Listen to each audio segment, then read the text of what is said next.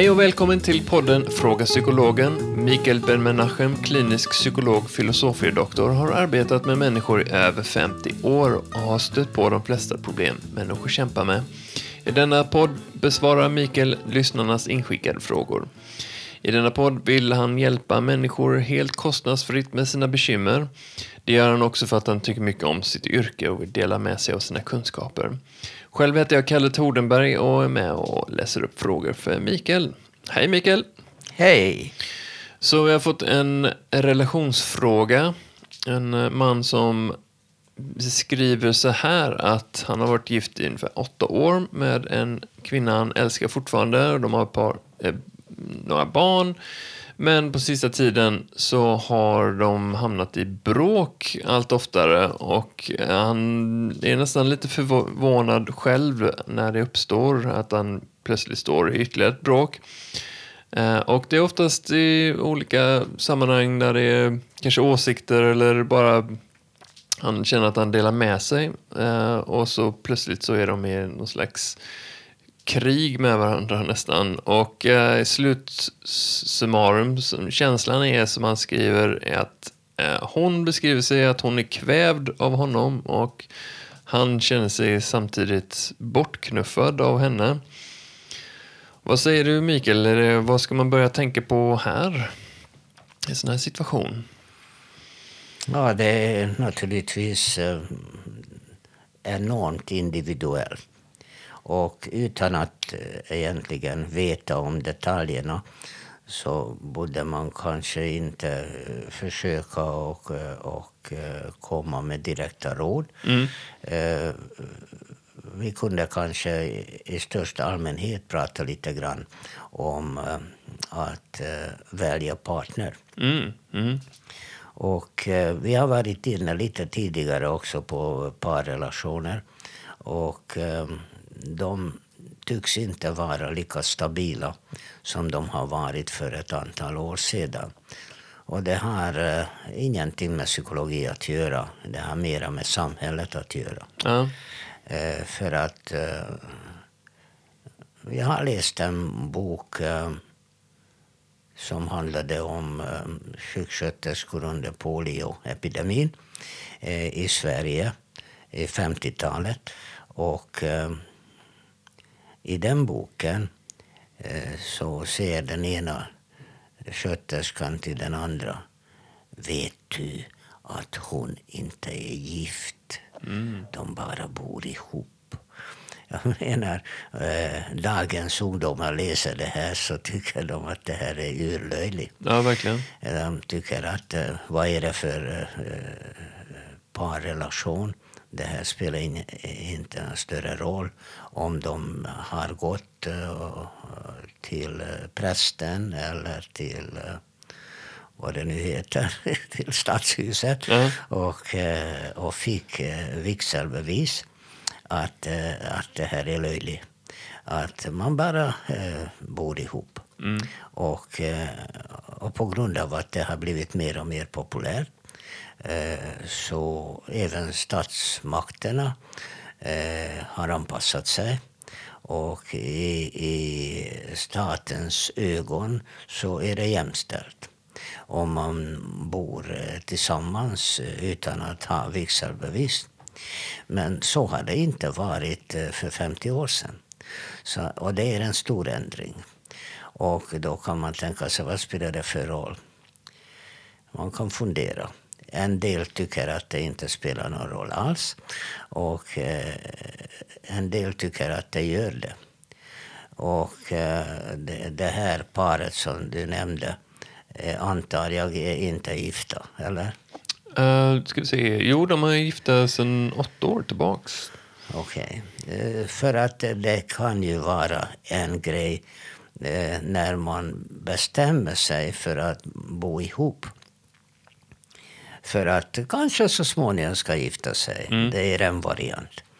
Eh, ett par som bestämmer sig att eh, bo ihop eh, utan att tycka att det här är onödigt att, att göra det mer officiellt för att all, när det gäller lagen så, så är det samma. Eh, när det gäller barnbidrag eller någonting så spelar det inte eh, någon roll om man är gift eller inte. Mm, mm. Eh, men eh, i människors tankar finns en viss skillnad ändå. Även om man tycker att det är urlöjligt att gifta sig, så i, i folksjälen, och framförallt vi tänker på den som är, säger vi, 30 år gammal nu, och föräldrarna i 60-årsåldern, säger vi. Eh, de här föräldrarna som ändå har påverkat den här 30-åringen, som alla föräldrar gör när barnet är litet mm. och även senare. De har vuxit upp i ett annat samhälle med helt andra värderingar. Mm. Och eh, om man tänker på Sverige, att Sverige är suverän när det gäller samhälleliga ändringar. Eh, mm. Tänk på att för hundra år sedan hörde Sverige till de fattigaste länderna i Europa. Mm. Och uh, miljon, uh, en miljon svenskar har emigrerat för att uh, Ja, om, om en jordbrukare hade fem barn och kunde kanske ett av dem Eh, ärva den här lilla eh, jordlotten som de hade och som försörjde dem mer eller mindre. Så vad skulle de andra fyra barnen göra? De som var flickor kanske kunde giftas bort, men pojkarna då? Eh, vad skulle de syssla med? Så att ehm, eh, fattigdomen gjorde eh, att de försökte eh, pröva lyckan, lyckan någon annanstans. Mm. Och därför hamnade så många svenskar i USA.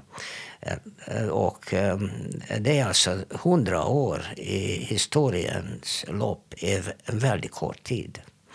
Och ehm, okej, okay, de, de som levde då, 1900, eh, de, de flesta lever inte idag.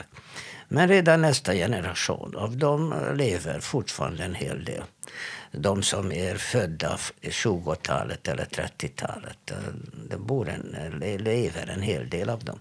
Så att de här eh, traditioner och eh, sätt att leva och leva tillsammans mm, som, som är modern idag är inte så gammal. Mm. Och det innebär att det, är, att det är allmänt accepterat men ändå finns en, en liten frågetecken kring det här om det är verkligen samma sak. Om man själv betraktar en parrelation exakt på samma sätt om man är gift eller inte. Mm. Jag tror att det finns en liten skillnad fortfarande. Mm. Framför allt det att eh, en, en parrelation som liksom är eh, stämplad att det här är eh, en, en officiell parrelation eh, betraktar man själv lite annorlunda. Mm fortfarande, det vågar jag påstå fastän kanske en del tycker att nu pratar jag goja. Men ändå, det kan vara ett problem. Ett viktigt, och eh, framförallt så vi, vi har väldigt dålig statistik när det gäller eh, eh problem i parrelationer för hundra år sedan. Mm.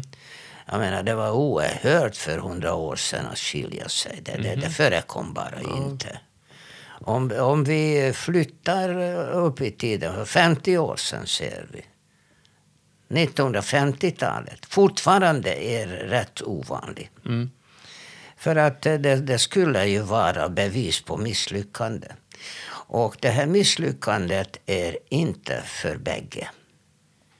Utan ofta så anklagades den ena eller andra parten för det här misslyckandet. Mm, okay överhuvudtaget när den här kvinnan som du talar om eh, mår dåligt mm. i, i relationen idag så tycker hon nog att, eh, att det har gått snett. Att eh, den här relationen är inte som, som hon hoppades på i början. Mm.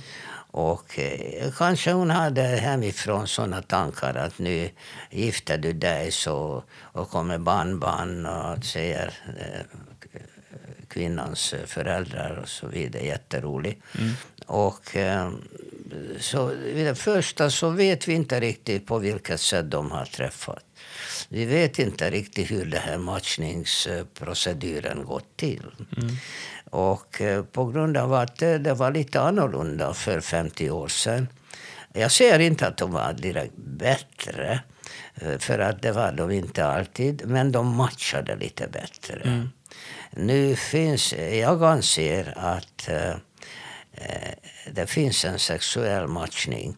Och det är också intressant. För att eh, eh om man då har träffat eh, så att eh, ja, på en diskotek eller någonstans oavsett var det var en sexuell dragning som styrde de första stegen. Mm. Och tyckte, han tyckte kanske att hon var så snygg och föreställde sig som pojkar alltid gör, henne utan kläder. Och eh, hon tyckte kanske att han var ståtlig eller stilig på något sätt och utstrålade eh, styrka. Eller var eh, mjuk och, och vänlig. Eller oavsett vad, vad hon hade för värderingsgrunder. Eh, och tyckte, men de är fortfarande rätt så ytliga. Mm. Och um, ofta så bestäms att okej, okay, nu ska vi bo ihop. Och där är en liten skillnad återigen om de då bestämmer sig för att gifta sig eller inte. För att de på något sätt så känner de att eh, parrelationer de inte har liksom officiellt betyg på det här är mera temporärt. Mm. Att det kan ju brytas när som helst. Det, det, finns en sådan element i det här. Ja, det. det. finns sådana som tycker att det är bara löjligt. Det är klart att vi är ett par, vi är tillsammans. Men att bryta det här, det är att, att skiljas eh, officiellt är inte så våldsamt svårt. Men just när det gäller barnen kan bli en del problem. Idag så, så brukar, om det kommer upp till domstolar så brukar det alltid eh, vara delad vårdnad. Men så var det inte alltid. Jag brukade som psykolog vara sakkunnig eh, för inte så många år sedan. Eh, 20-30 år sedan. Eh, ofta så deltog jag som sakkunnig i såna här vårdnadstvister. Tvister. Mm. Ytterst tråkigt. Mm. Och då, den tiden, om vi nu ser 2000-talet, ser vi 70 eller 80-talet, alltså inte så länge sedan. Då har domarna automatiskt dömt barn till modern. Mm. För att där, så, där satt den gamla eh, traditionen att det är kvinnan eh, som tar hand om barn. Och så är det inte riktigt idag. Eh, men alltså det var bara för 20-30 år sedan. Det är inte så länge sedan. Eh, och eh, varför jag eh, hjälpte Männens rättsförening. För att många män kämpade för att åtminstone få del av barnets vårdnad. Mm.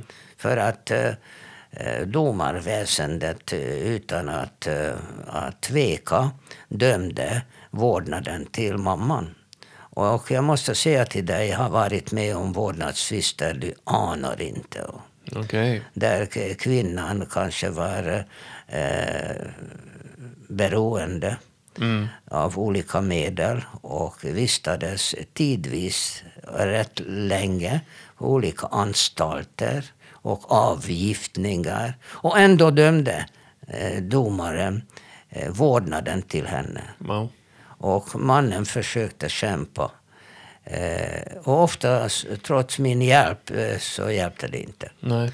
tillräckligt. Så att det här är en, en ny grej. Men hur som helst, eh, det här med delad vårdnad, det har ju blivit nu eh, mycket vanligt. Och jag tror att det nästan i alla skilsmässor eller, eller när en parrelation bryts upp så automatiskt blir det delad vårdnad. Mm. Och eh, det är klart att, eh, att om man ju tänker barnets perspektiv då, då har jag ofta fått frågan vad är det en bättre, en, en bra skilsmässa eller dålig äktenskap? Och inte, inte lätt att svara på det här. För att barnen eh, känner, känner det på sig när eh, mamma och pappa mm, inte har det bra tillsammans. Eh, det, det, det, det är i atmosfären.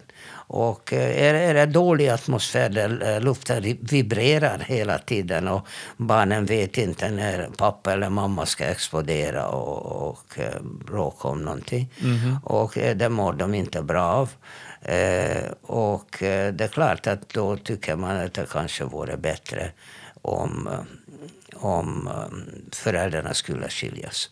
Eh, för att uh, söndagspappan är, alltid roligare än vardagspappan. Mm. Eller mamma. Mm. För att om man är söndagspappa, om man får barnen bara vissa tider, så, så försöker man liksom man medvetet sjunker inte in i, i vardagens gråa rutin.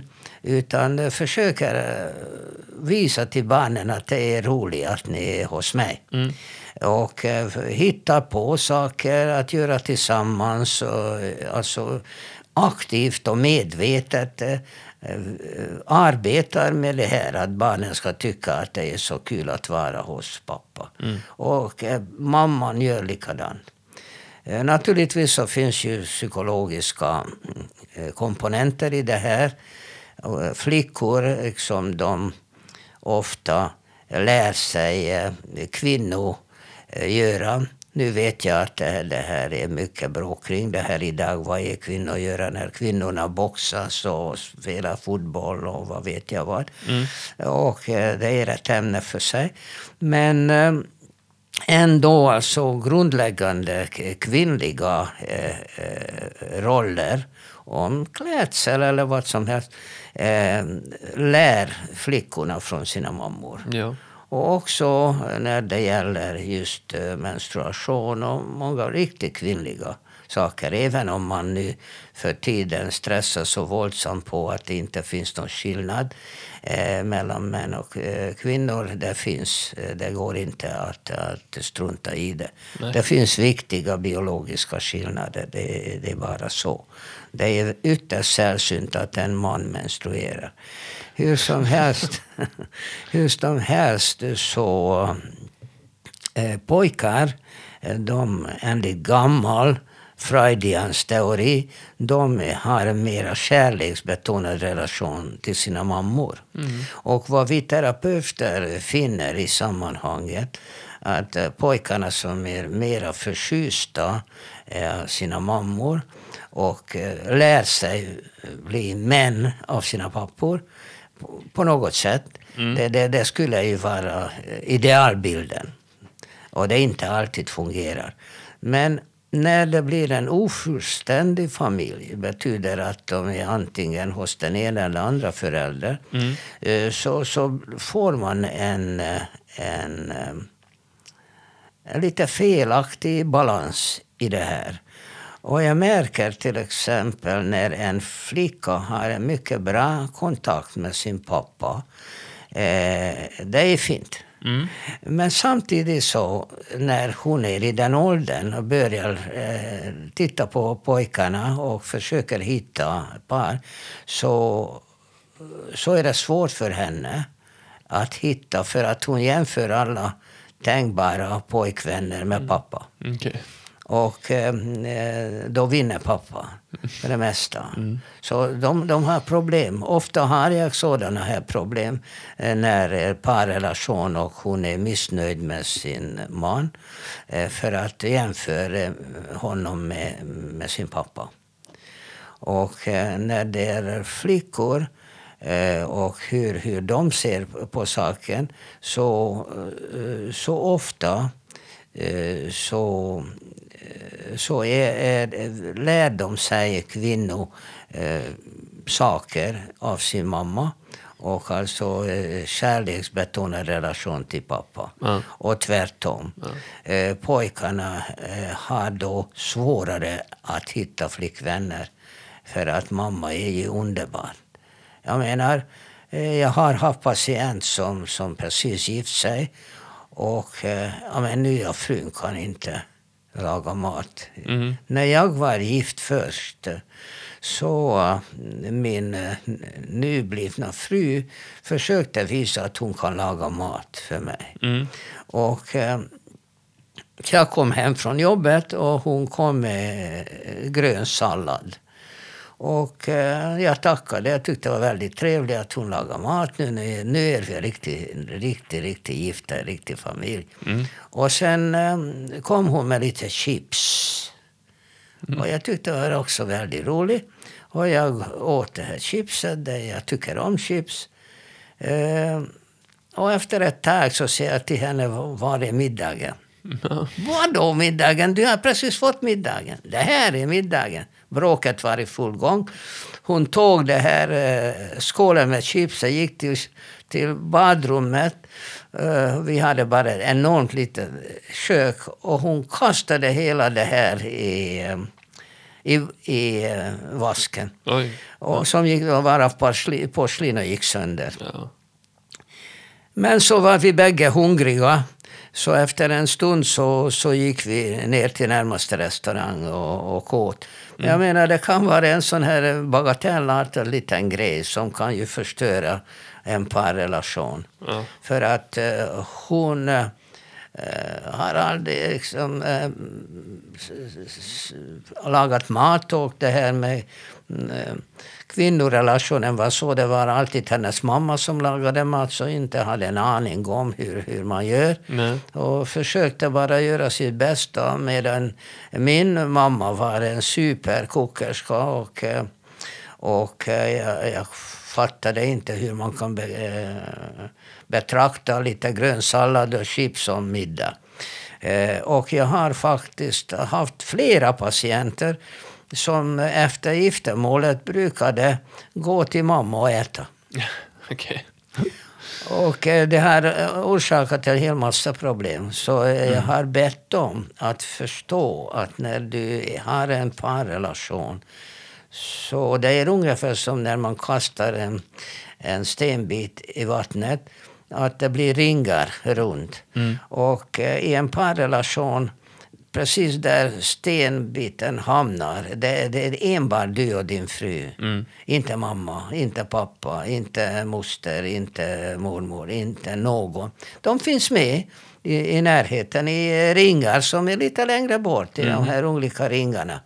Men inte i mitten. Nej. Eh, För att då... då, då I engelska skulle man säga looking for trouble. looking for trouble. Ja. Det här blir inte bra. Det blir inte bra även om din fru inte kan laga mat. Så eh, acceptera det och berömma och eh, försöka gemensamt åstadkomma någonting. Det här är eh, kapital eh, fel att gå till mamma och äta. Det är inte bra.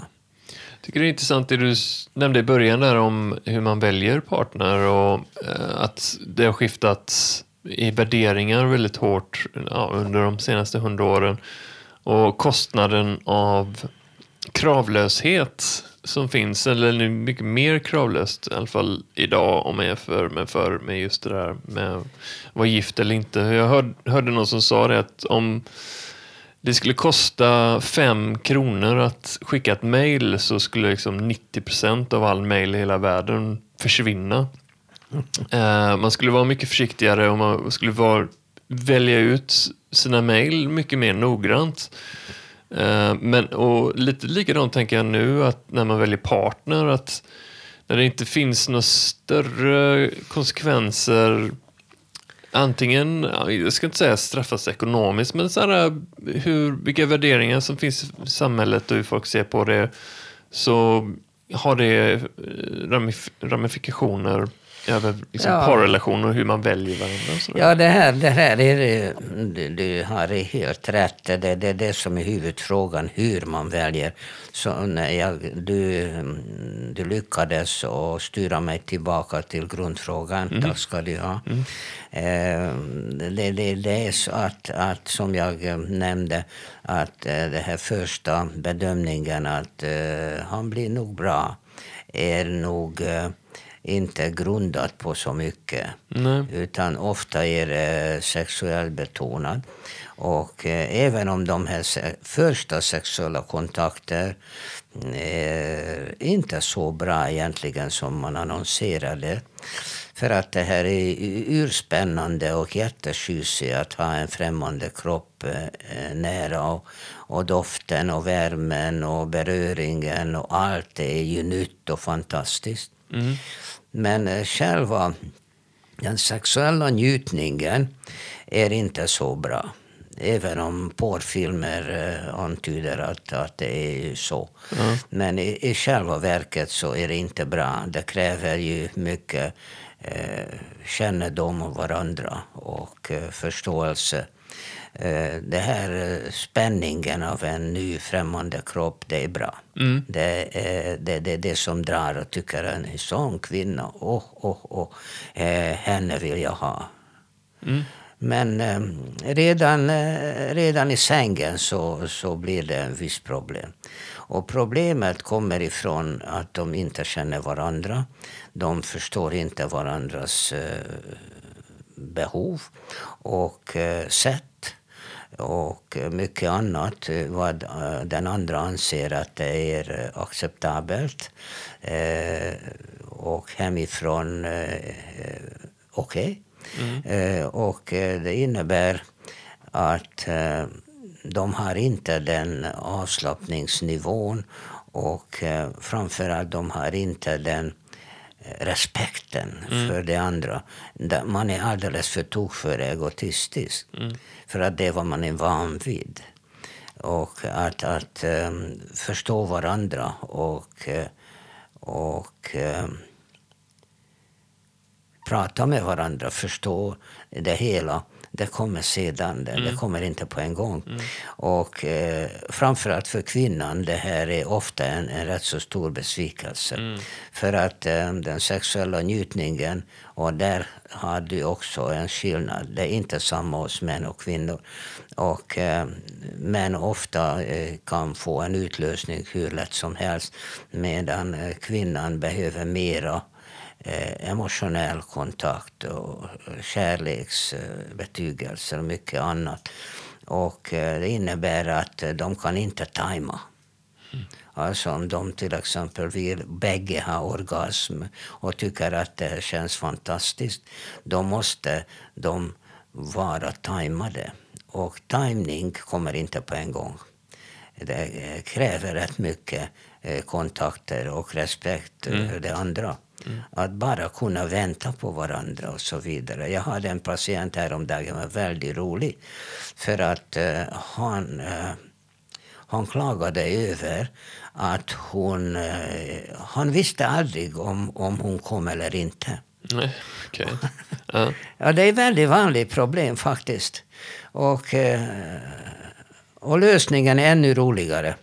Eh, jag frågade henne om detta. Och då säger hon, han hör inte. Kul va? ja, jag får lyssna lite bättre. Ja. Eh, alltså, de var i den åldern och eh, hon tydligen visade eh, sin njutning och visade också eh, när hon fick orgasm. Men han helt enkelt inte hörde det. Nej. Att, hon hon visade det här även verbalt. Hon var inte tyst, men Nej. han, han hörde inte. Nej, okej. Han var någon annanstans i tankarna. Det Eller? var en annan variant. Ja. Eh, Så att eh, det kan vara vad som helst. Men efter det här första, även om det inte var tajmat, men det var ny och spännande och mycket sexuellt betonat.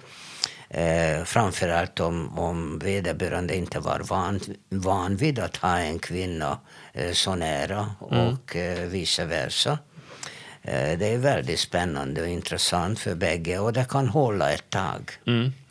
Men så småningom börjar de eh, liksom lära känna varandra på många andra sätt. Och det är inte så fel om, om de har helt andra intressen. Nej. Och det, det kan ju vara tvärtom. Jag har haft ett par hos mig där han tyckte mycket om att sticka. Mm. Och hon tyckte att han var ju löjlig. alltså det kan vara mycket oväntade varianter på, Mm. på det här också. Men ofta, även när de inte är matchade, till exempel ekonomiskt, utbildningsmässigt. Eh, många säger att jag kunde inte gifta mig med någon som inte är på samma utbildningsnivå som jag. Det är inte sant. Eh, visst kan man göra. Alltså, den berömda poeten Henrik Heine från Tyskland. Eh, han levde i eh, landsflykt i Frankrike eh, med en fransyska, en enkel kvinna. Och, eh, så det kom folk som valfärdade till den stora poeten och sa till eh, frun att eh, förstår ni vilken stor man du har? Och hon bara skrattade. Ja, ni, ni skojar. Så det Har aldrig lärt sig tyska och aldrig läst en poem av Henrik Heine. Nej. Och de tydligen levde lyckliga äktenskap. Eh, Så att jag tror inte att utbildningsnivån är så viktig i sammanhanget. Det skadar inte, men det kan också skapa problem. För att den ena och den andra har ju helt andra intressen då intellektuellt och eh, kanske inte är intresserade av att, eh, vad den andra sysslar med. Och det, det kan ju vara ett problem. Då är det nästan bättre att, eh, att det är inte så jämställt så att säga när det gäller utbildningsnivån. För att då den ena eller andra de förväntar sig att den andra är intresserade av vad eh, han eller hon sysslar med. Och det ofta inte är fallet när de bägge är intellektuella till exempel. Ja, just det. Så det finns ju eh, olika eh, matchningsmöjligheter. Och jag anser att eh, det finns olika dating eh, sites och internet. För att eh, eh, det här med internet dating kommer inte att försvinna. Eh, men jag hoppas innerligt att det blir bättre. Mm. För att det är lätt så slentrian som det är nu faktiskt. Eh, Och eh, jag har haft flera patienter som berättat om att det är ingen idé Mikael, ingen idé. De kanske svarar och sen jag svarar och visar intresse och så svarar de inte mera. Det där kravlösa igen. Ett, Ja, de ville ha lite skoj. och Sådär. Och det, jag vågar påstå att en stor del av de här eh, dating, dating eh, eh, brevväxlingarna är tämligen meningslösa.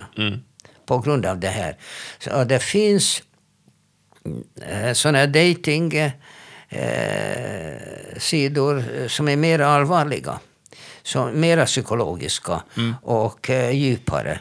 Eh, och eh, jag nämnde i en annan sändning att eh, traditionellt det finns ju stora samhällen som det indiska och kinesiska, det judiska, där de här matchningarna är traditionellt mycket djupare. För att då skapar de en liksom jämställd grund på viktiga ting, till exempel ekonomin. Men det kan också vara utbildning, det ka- kan vara många andra saker som de, utan att känna er egentligen, eh, kan liksom gardra bort eh, eh, olika karaktärsgrejer eh, grejer också. Eh, så att när det här paret äntligen eh, träffar, där finns redan en rätt så ordentlig matchning bakom. ja. Det kan gå fel eh, fortfarande. Och det är därför de flesta samhällen tillåter att de här ungdomarna får träffas flera gånger. Och bara efter de har träffats ett antal gånger och börjar liksom arbeta på, på det här lilla sexuella och få första kontakterna. Jag menar inte att de alltid har sexuella kontakter men att, att de känner för varandra. Framför allt att de visar ett intresse för varandra. Och jag brukar alltid säga eh, för unga par att eh, det måste vara någonting som är enormt viktigt för dig. Eh, som eh, korresponderar hundraprocentigt eller nära hundraprocentigt med det andra ja. som är väldigt, väldigt viktig. Det är därför ofta unga par som kommer från samma miljö till exempel religiös grupp eller eh, något sådant. Ja. Eh, att de, de har liksom tankemässigt eh, för att det här, den sexuella biten, det, det kommer ju automatiskt. Alltså hon är sympatisk för mig och han är sympatisk för mig. Men just det här att värderingsgrunderna är väldigt nära varandra. Eh, eh, Men det kan vara vad som helst. Det är väldigt viktigt tror jag. Ja. Eh, Om, om du till exempel... För att folk även kan skryta med... Någon kvinna sa till mig häromdagen, jag är mycket ekonomisk. Ja. Och jag sa till henne, och din man? Jo, han är rätt så ekonomisk också. Men jag är mer ekonomisk. eh, och, och, och det här är en viktig grund. Det är en viktig, viktig grund.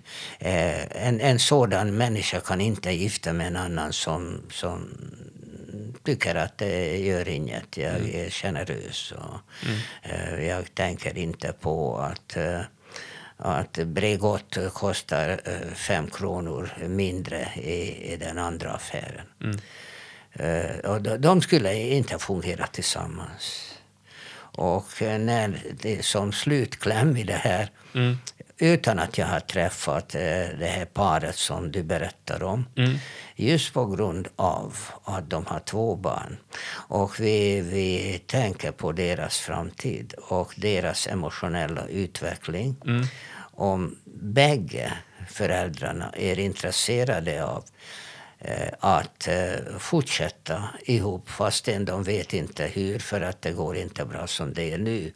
Så borde man ge dem en chans genom att man lyssnar lite bättre på dem och förstå eh, mer eller mindre var skon klämmer. I Amerika finns något som kallas för marital therapy. Och det är alltså som skulle arbeta enbart med, med par.